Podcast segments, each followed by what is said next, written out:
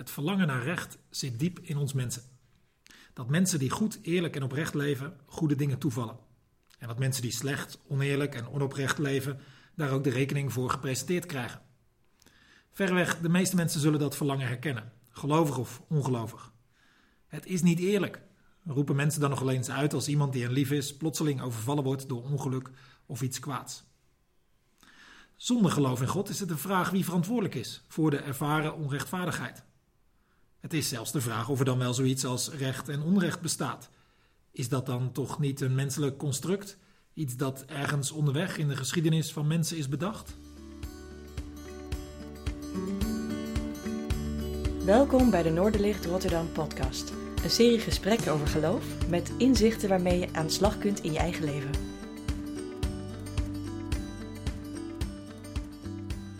Gevoel voor rechtvaardigheid en onrechtvaardigheid is dan dus iets dat wij als mensen ons hebben aangeleerd. Uit evolutionair voordeel of iets. Persoonlijk zou ik dat moeilijk te geloven vinden. Naar mijn idee zit het gevoel voor rechtvaardigheid dieper. Is het onderdeel van ons mens zijn. En daarom kun je in iedere cultuur dezelfde terug, dingen terugvinden. Bijvoorbeeld het idee dat het ergens niet goed is om je naaste te doden. Zelfs kannibalen in de Rimboe hebben dit idee. Zij maken alleen een uitzondering voor hun vijanden. Het verschil tussen iemand die gelooft in God en iemand die dat niet doet, is dat bij ervaren onrecht de eerste een adres heeft. Het is niet eerlijk, is dan niet een ongerichte uitroep, maar er kan een beroep worden gedaan op een instantie die boven alle partijen staat: God. En volgens het christelijk geloof is die hoogste instantie bovendien iemand die volledig goed en rechtvaardig is. Dus heeft het ook zin om je beklag te doen als er dingen gebeuren die gewoonweg onrechtvaardig zijn. In Psalm 28 komen we zo iemand tegen die bij ervaren onrecht zijn beklag doet bij God en zijn recht probeert te halen.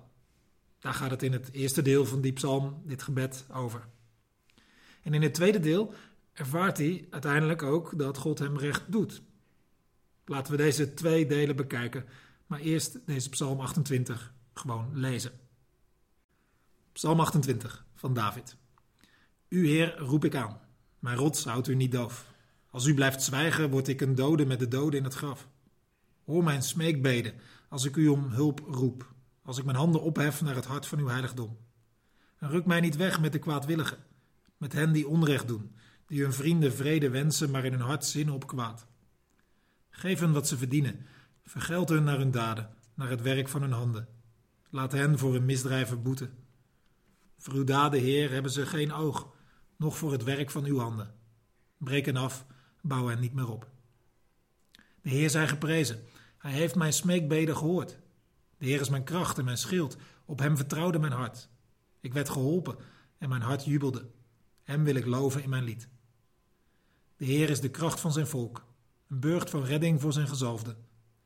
Red het volk dat u toebehoort, zegen het, wees zijn herder en draag het voor eeuwig.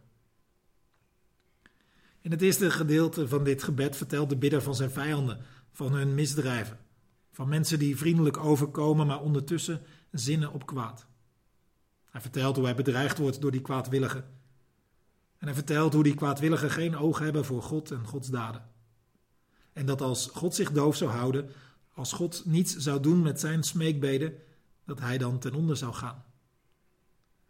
Misschien zie je ook wel onrechtvaardigheid, onrecht. In je eigen leven, bij mensen om je heen, in de wereld, Natuurlijk is dat niet de schuld van de hoogste rechter. Je kunt een rechter niet verantwoordelijk houden voor de misstappen die kwaadwillige criminelen maken. Maar je kunt wel een beroep doen op een rechter om recht te doen en zo het onrecht in te dammen. En zo heb je bij God een adres om je beklag te doen bij onrecht en om te pleiten voor recht, om hulp. Om te benoemen wat mis is gegaan of mis is gedaan. Om te roepen om recht, steun, gehoor, om vergelding ook zodat dingen weer rechtgezet worden. In zo'n situatie geeft Psalm 28 je woorden.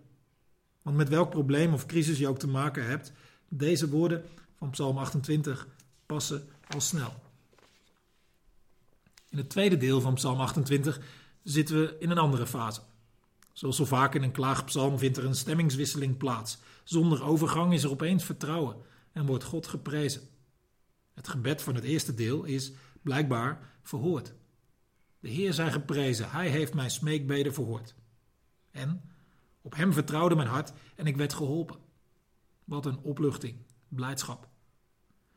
We weten niet precies hoe deze stemmingswisseling er is gekomen. Misschien heeft er de nodige tijd gezeten tussen het eerste en tweede deel.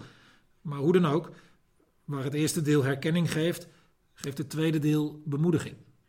Zo is God blijkbaar. Hij helpt, hoort als je pleit, als je smeekt. Hij redt. De bidder is euforisch. Herkenbaar voor iedereen die zich recht gedaan weet, die zich gehoord weet. Denk maar aan een gemiddelde film van, waar een rechtszaak centraal staat, maar uiteindelijk de slachtoffers zich recht gedaan weten. De stemming is dan ook bijna altijd euforisch.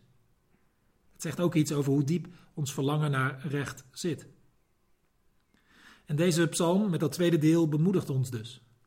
Door erop te wijzen dat God zeker geen God is die zich doof houdt, of alles maar laat lopen, of die het niet zou kunnen schelen wat hier op aarde gebeurt. Integendeel, God is een God die helpt, kracht biedt, een schild is, hoort.